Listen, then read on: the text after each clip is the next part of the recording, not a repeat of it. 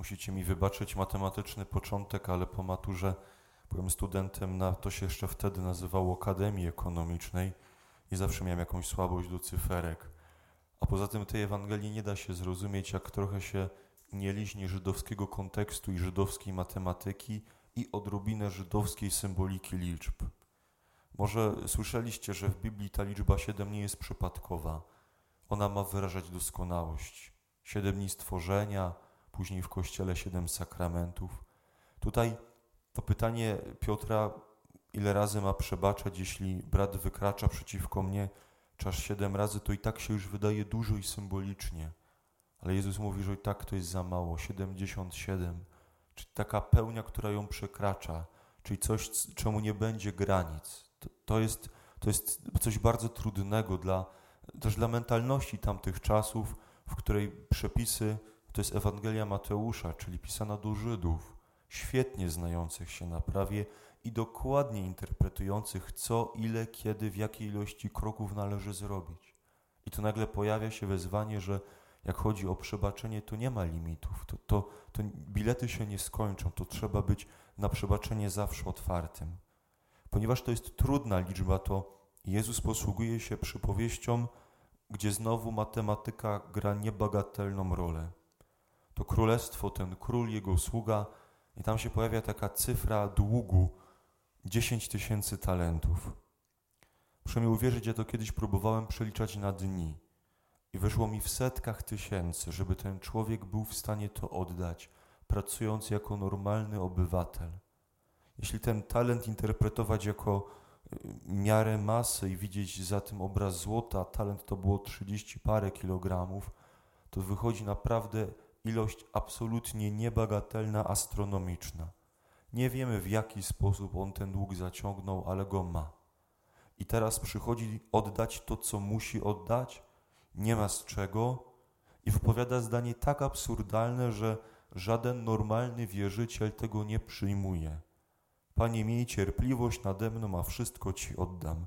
To się w tym świecie nie może udać, to się nie może zdarzyć, a w tamtych czasach nie było instytucji totalizatora sportowego. Ta, ta prośba nie ma szans na powodzenie. I, I zamiast czekać na wyrok, to okazuje się, że ten król jest taki, którego nie da się zrozumieć, bo Pan ulitował się nad tym sługą, uwolnił go i dług mu darował. Proszę braci, to jest człowiek, który dostaje nowe życie i nie ma w tym ani grama przesady. Ani grama przesady. On zaczyna zupełnie na nowo. Ale okazuje się, że ktoś jemu też jest trochę winny. Sto denarów. Denar to była dniówka.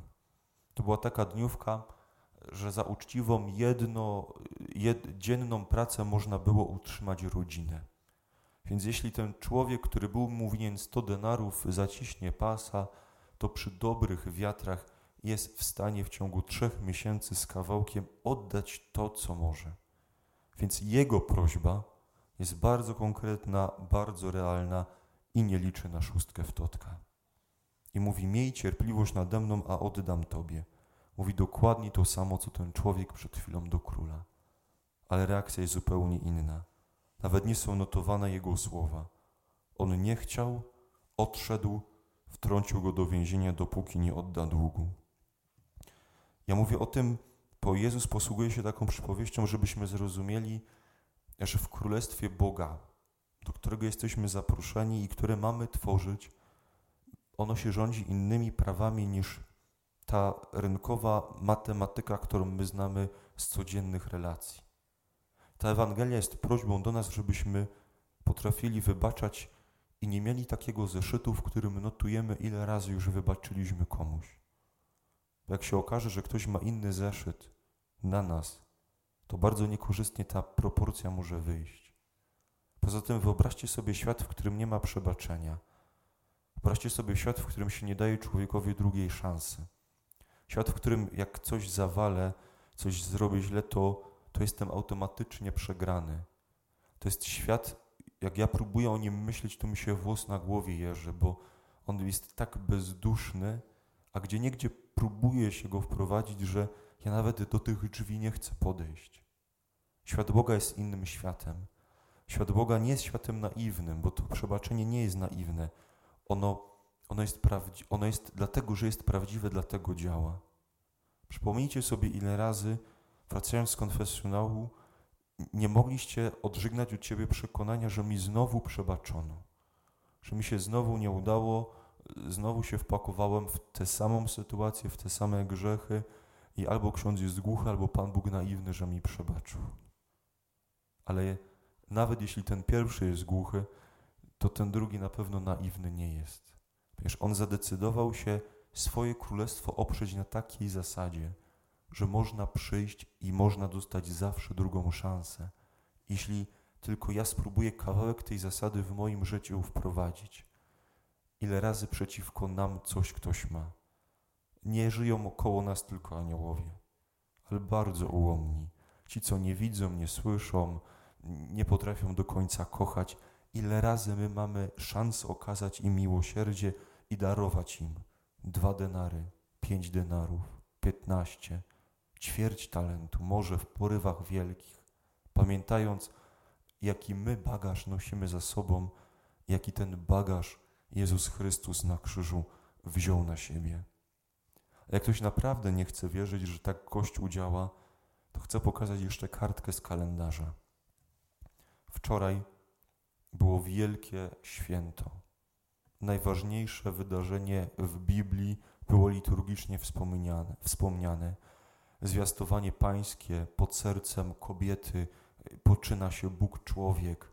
Za dziewięć miesięcy będzie wielkie narodzenie.